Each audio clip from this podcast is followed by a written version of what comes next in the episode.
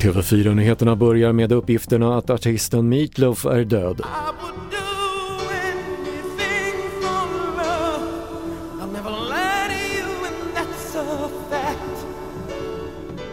Den Grammy-belönade sångaren och skådespelaren avled på torsdagskvällen bekräftar hans agent för sajten Deadline men dödsorsaken är fortfarande okänd. Meatloaf som egentligen hette Michael Lee Day blev 74 år.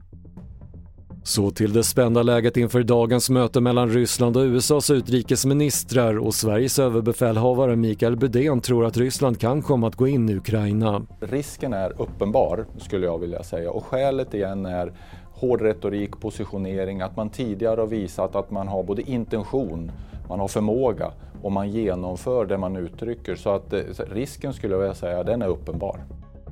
Och under natten sjönk lastfartyget som igår kväll fick slagsida på danskt vatten utanför Kullen i nordvästra Skåne. Den troliga förklaringen till slagsidan är att lasten vält eller flyttat på sig och de fem besättningsmedlemmar som räddades uppges efter omständigheterna må väl.